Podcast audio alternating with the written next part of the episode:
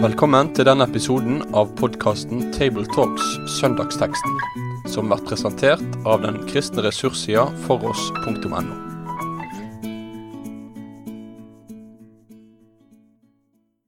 Hjertelig velkommen til en uh, ny episode av Tabletalks, der vi går gjennom uh, søndagens tekster.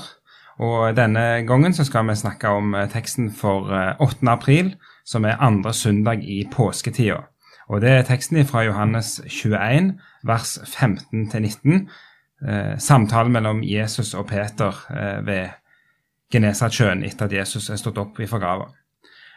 Påsketida er den perioden som er fra påskedag og fram til pinse. og I påsketida så feirer vi oppstandelsen, og vi feirer påskens budskap. Og uh, i kirkene så er den liturgiske fargen hvit, som nettopp er festens farge. Og, og det er fordi at dette er en tid hvor, hvor, vi skal få fokusere og glede oss over at Jesus sto opp igjen. Og vi skal derfor òg denne søndagen i denne teksten få et veldig nært møte med den oppstandende. Med meg for dagens samtale så, så har jeg eh, Sverre Bø. Og, og Toril Slottsveen Asp. Og sjøl heter jeg Knut K. Kirkholm, og vi skal nå gå gjennom teksten, og Toril skal få gleden av å lese fra Johannes 21, vers 15 19.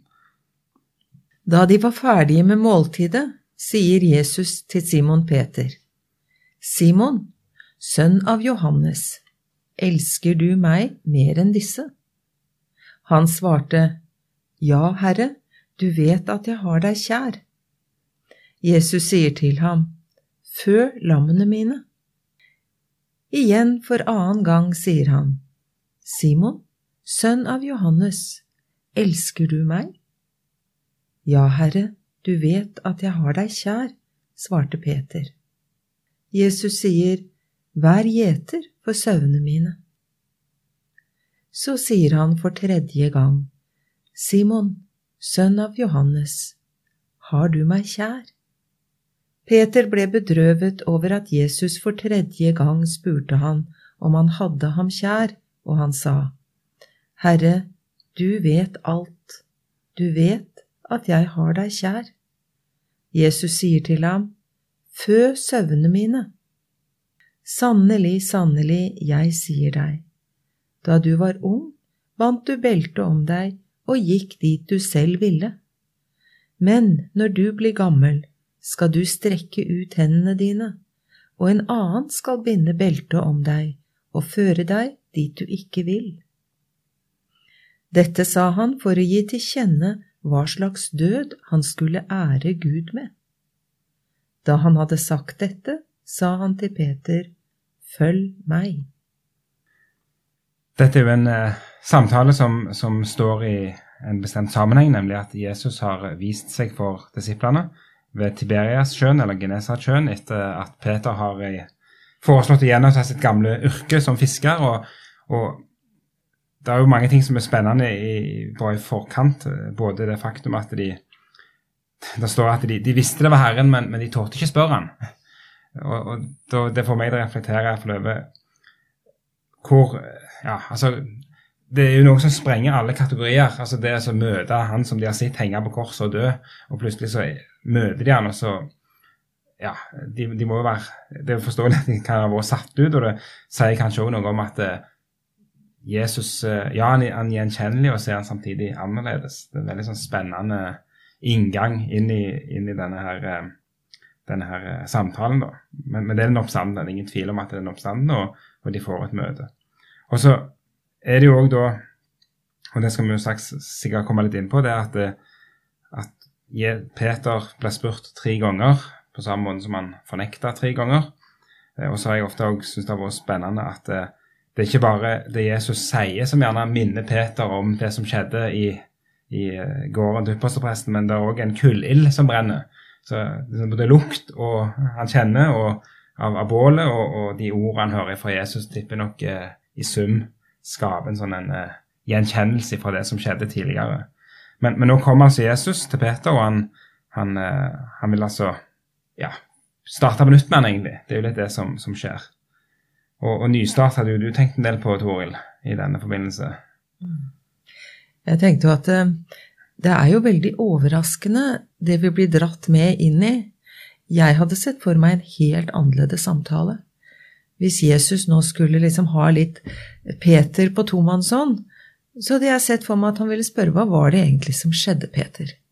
Skal vi se litt på det som skjedde, og mm, hvorfor du, du endte sånn du gjorde når du fornekta meg? Eh, tror du du er mer stabil nå? Altså, jeg tenker meg en sånn eh, rett opp igjen og få Peter på sporet igjen.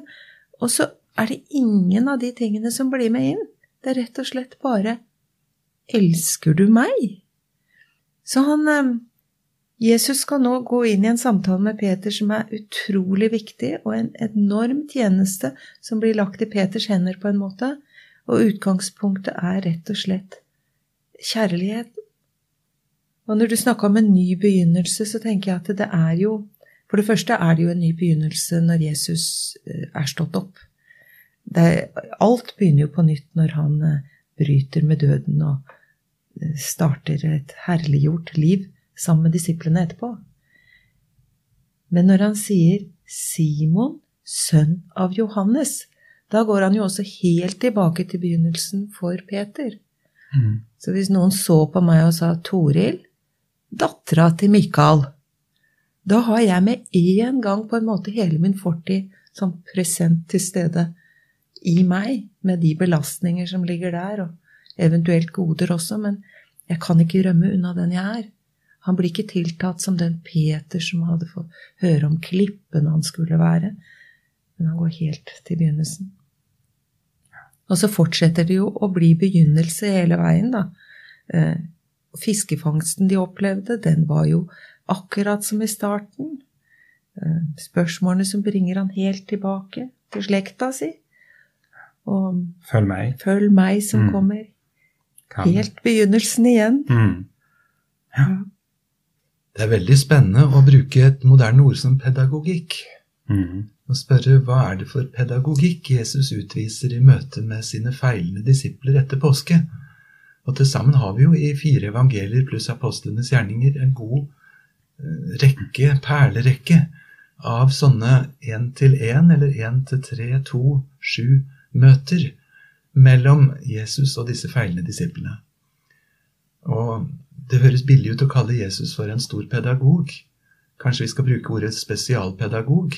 For det er ikke bare det at han har et opplegg for denne gjengen, men det er liksom én og én, og av og til to. Og det er noen mønstre som går litt igjen. Du begynte med å snakke om hvordan de våget ikke å spørre 'er du han', men det ligger liksom en sånn slags spenning i det. Sånn var det for Emmaus-vandrerne. Øynene deres ble holdt tilbake.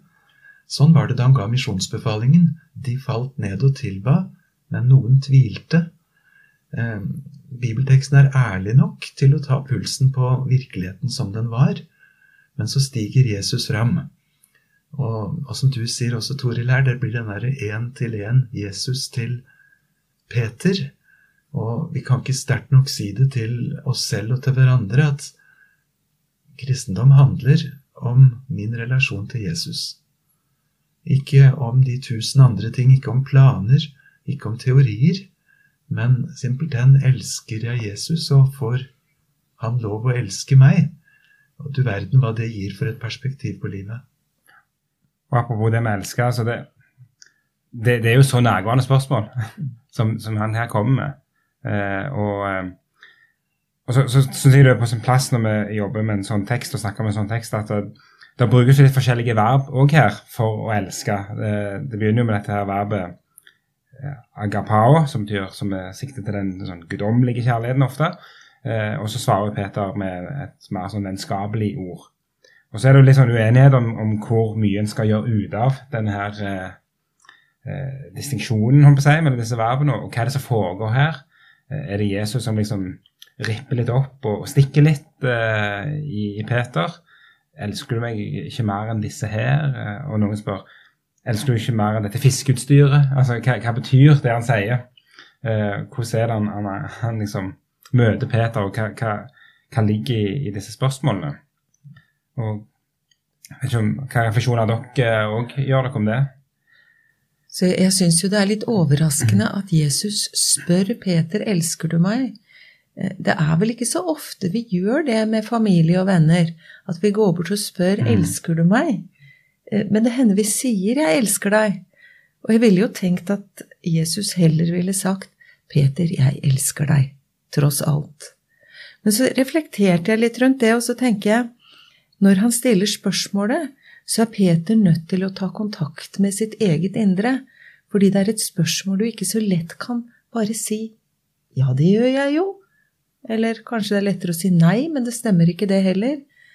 Men at Jesus ved å spørre får en mye dypere kontakt med Peters indre. Og i hvert fall er erfaringen både fra mitt eget liv og mange jeg kjenner, er at når du har hatt tøffe belastninger i kjærlighetsforhold i oppveksten, så bærer du med deg så dype sår at i det hele tatt det språket som har med kjærlighet å gjøre, kan være litt ødelagt.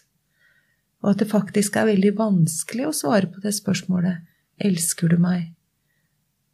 Du kan si ja fordi du vet oppi hodet ditt at det må man svare ja på. Eh, men så er det sånn dypt inni deg, så kjenner du kanskje at du ikke får til å si ja, jeg elsker deg.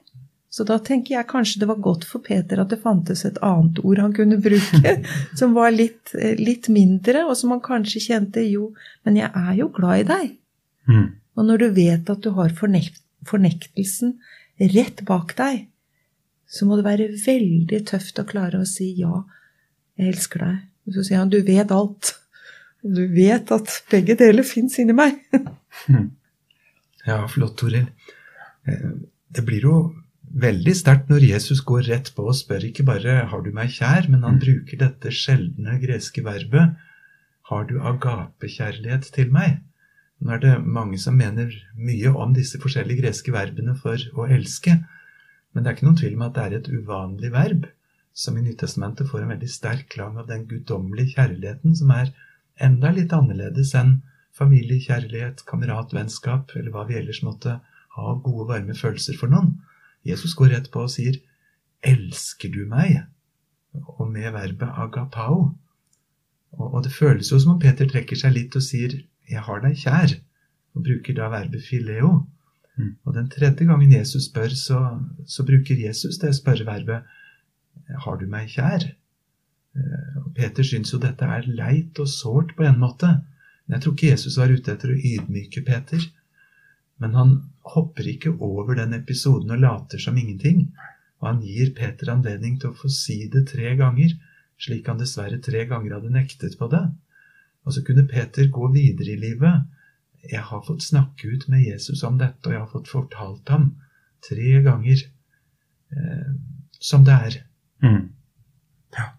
Så tenkte jeg det er jo noe med dette med tre ganger, hvis en tenker litt sånn tallsymbolikk. Altså Jesus sto opp den tredje dagen. Tre blir jo noen ganger sett på som tallet for på en måte det guddommelige, i motsetning til det jordiske. Og, og, noe skal stå fast ved tre vitner. Eh, så det er noe med dette at han gjør det tre ganger, er jo heller ikke tilfeldig fra Jesus' side. Det er jeg sikker på. At, at han skal virkelig få lov å og Det skal få synke inn, og det skal stå fast. Når denne samtalen er over, så har de, som du sa, de har fått snakka ut, og Jesus har kanskje fått nådd inn i dypet med at det er kjærligheten det bygger på, og ikke hvor dyktige vi er, og hvor stabile vi er. Kanskje er det også en slags gjenkjennelse for uh, mange av oss. For når vi stiller oss selv dette spørsmålet 'Elsker jeg Jesus?' Tør jeg si det? Og kan jeg si det med den klangen som agape har i Nyttestamentet? Så er det ikke så lett å svare. Akkurat som det er ikke så lett å svare 'tror du', for du kjenner på tvil og vantro. Eh, og så er det en fantastisk gjenkjennelse at vi får gå til bibelteksten og se at en av dem Jesus fikk bruke så mye, han sleit også med å kunne si det rett ut med utropstegn etter 'Jesus, jeg elsker deg'. Og det var likevel ikke til hinder for at han kunne få lov til å være et bud for Jesus i fortsettelsen. Sant. Og det er jo et viktig punkt òg å ta med oss her. at det, her blir jo kallet gjentatt, og, og, og det er et 'følg meg', men ikke minst er det jo et, et oppdrag som Peter får. Og, og um, Jeg leste i en kommentar til den teksten en som påpeker at det, vi skal merke oss at det er verb i aktiv form. Det, det er liksom ikke 'vær en hyrde', 'vær en, en som gir mat', men 'fø sauene mine', og eh, 'pass' eller 'vokt' eller eh, 'flokken min'. Altså det, det, er liksom sånn Det er aktivitet her. Det er ikke bare en, det er ikke, det er ikke bare en sånn eh, rolle, sånn, men det, det, det, skal være noen konkrete gjerninger, handlinger, som, som Peter nå kalles det. Og det legger jo et perspektiv på tjenesten, som jeg ser det. Ja, og jeg syns vi skal legge merke til ordlyden der, fordi at tvers gjennom Bibelen, fra det står om Herren som er min hyrde, til alle gjeteordene som også går inn i menigheten, må være en sau, å mm. ha en gjeter og ha noen hyrder i menigheten, så er det de to sidene som teksten vår snakker om. Det ene er å vokte saueflokken ifra farer. Vokt mine får. Og det andre er den positive siden. Led dem til der de kan få mat. Mm. Fôr dem, gi dem det de trenger. Eh, og dette er kanskje litt uvant for noen av oss i det lavkirkelige landskapet å snakke om en særskilt tjeneste med å vokte jorden og å se til at de får skikkelig føde. Eh, men det er bibeltekst. Og det er et mm. bibelsk begrep å ha tilsyn. Ikke sånn at noen står over oss, men slik at jeg erkjenner min plass som en sau. Og setter pris på at Gud setter i sin menighet noen som kan advare meg mot fare, og som kan vise meg veien til det som er godt. Og så må jeg ikke være stolt på en sånn måte at jeg liksom tråkker på de Gud har satt til en slik oppgave, men nettopp takker for Guds omsorg også gjennom det. Mm. Ellers er jeg ganske fascinert av at Jesus faktisk, jeg holdt på å si, våger å betro sine sauer til en som nettopp har falt så dypt. For han sier jo hver gang, sier Jesus, 'mine lam, mine sauer', mine sauer. Mm. Det er ikke, han, det er ikke hans, nei. Og, og, han setter Han har sagt 'jeg er den gode hyrde', men nå setter han Peter til å være den gjeteren for hans sauer. Og hvor fort det kunne gå galt, på en måte, når vi vet hvordan Peter var. Mm. Og det eneste han sjekker ut før han gir ham denne enorme oppgaven, det er hvordan det står til med kjærlighetsforholdet mellom han og Altså mellom Peter og Jesus, da. Og hvis han får bekrefta at den kjærligheten er til stede, da tør han å overlate til ja, overlate søvnene til ham. Så, ja, så det, det grunngis, eller det, det funderes i, i, forholdet til Jesus. Så må vi samtidig vi kan ikke unnvike at dette her er jo en tekst som eh, kobler sammen med, med Peters bekjennelse og, og, dette med at jeg skal bygge min kirke på denne klippen, er jo, dette er jo tekster som, som brukes nettopp for å løfte fram eh, Peter og, og eh, pavedømmet, egentlig, og, og den der særstillingen som, som knyttes til, til Peter-rollen.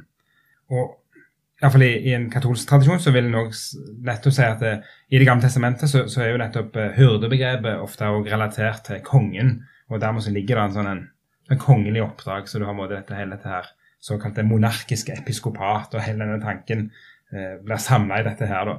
Og, Det er jo en problemstilling som vi i alle fall eh, må ha tenkt gjennom i forbindelse med en sånn tekst. Ja, det er mye å si rundt det. Eh, det er jo ganske utrolig i mine øyne at man klarer å, å få et monarkisk episkopat ut av dette, og hele Peter-teologien i den offisielle katolske lære. Men samtidig la ikke det ta vekk det at nå, nå får faktisk Peter dette oppdraget. Mm. Og det er ikke hvem som helst andre som får det oppdraget. Han har en, en funksjon og en rolle som vi må lese slik den står. Mm. Og så har vi en fantastisk annen tekst som er fra Peter selv, i 1. Peter 5, hvor han skriver i brevet sitt til dem som er ledere i menighetene, de som er medeldste, slik han også er det. Han setter seg ikke sånn sett over dem, eh, og som har fått et oppdrag som gjetere men så snakker han om overhyrden. Og da er det ikke han som er overhyrden over disse andre hyrdene, mm. men da er det Jesus som er overhyrden. Og så er det vi andre som er hyrder for de saueflokkene som Herren betror oss. Så ifra Peters egen refleksjon 20 år senere, så har vi en perle av en tekst mm. i 1. Peter 5, som vi gjerne må lese de første versene i kapittelet der igjen. Uh, utrolig flott i lys av akkurat vår tekst. Ja. Fint. Det er viktig å ha med seg den, den sida òg. Eh, men at, ikke minst at vi skal kunne si at det, det er Peter som får et, et spesielt oppdrag. Men så er det jo mer enn den teksten også som vi må få med oss eh, mot slutten, og det er jo dette her eh, Det som Jesus sier eh, om, om når Peter blir gammel, så skal han strekke ut hendene sine og, og bli ført en plass han ikke vil. Og det er jo en, en, et vers som vi vanligvis blir forstått som en, en ja, frampek mot eh, Peters egen eh, død og, hans, og det at han ble korsfesta. har vi noen refleksjoner rundt det ellers utover det? Det jeg tenkte litt på, er jo at dette er en veldig annerledes tankegang enn en vi er vant til å ha. At vi skal ære Gud med vår død. Vi skal ære Gud med livet, men alt som har med lidelse og død, er jo for eh, mange i vår, i vår tid noe som på en måte peker i det som er imot Guds vilje. Altså, så død blir på en måte en Ja, det er jo en fiende, da men det blir på en måte Da vi, da vi gir opp, så dør vi til slutt. Eh, men her blir det jo helt motsatt. Også døden blir trukket inn i det å skulle ære Gud. Så jeg syns at han får hele pakka, Peter, her nå, av tjeneste. Det dreier seg om kjærlighet, kall til etterfølgelse, om tjenesten og om lidelsen. Og alt sammen er en del som nå har blitt tydelig for Peter, før Jesus igjen sier til ham, 'Følg meg'. Det minner jo litt om når Jesus snakker om uh, ingen tar i fatt med et stort byggeprosjekt uten først å regne ut prisen, og, og, det er jo det Peter får liksom hele anbudet her, og så får han da Da. Dette, sånn er det, følg meg. Uh, så han, han får iallfall rene ord for pengene, for å si det sånn. Det, det, det, er ingen tvil om. Og at også lidelsen blir kobla inn i det å ære Gud. Mm. Det syns jeg er veldig viktig, for jeg syns mange miljøer i vår tid, i kirkens landskap, eh, er, ser på lidelsen som et bevis på at Gud ikke får gjort det han ønsker å gjøre, men at lidelsen blir kobla til det som kan ære Gud, og det som faktisk kan fremme Guds rike. Når jeg leser det verset, så, så kommer det for meg en eh, misjonær med mange, mange års tjeneste ute som fortalte meg det at fra den dagen hun sa ja til misjonærkallet, så har det verset der lydd i bakhodet hele veien. Mm. Da du var ung, så gjorde du som du ville. Du løp dit du ville. Men når du blir eldre, så skal andre binde opp om deg og føre deg dit du ikke vil. Og Det var ikke fordi hun skal ha fram at misjonærlivet har vært så tragisk smertefullt og kaotisk og vondt. Jeg tror ikke det. Men det var å ha regna ut hva tårnet koster, at hvis det nå blir slik, Eh, så går jeg likevel. Mm. For jeg har fått et kall, og jeg har fått et oppdrag. Og det var jo ikke så få da som fikk et kall fra Gud som går veldig klart i den retningen. Da Jesaja ble kalt i Jesaja 6, så får han veldig klar melding om at det er ikke stort folk som kommer til å høre på deg. De vil ikke omvende seg. Og Esekiel får klar beskjed at de kommer ikke til å høre på deg, for meg vil de ikke høre på. Var det mitt ord du skal si, så vil det vel gå likedan.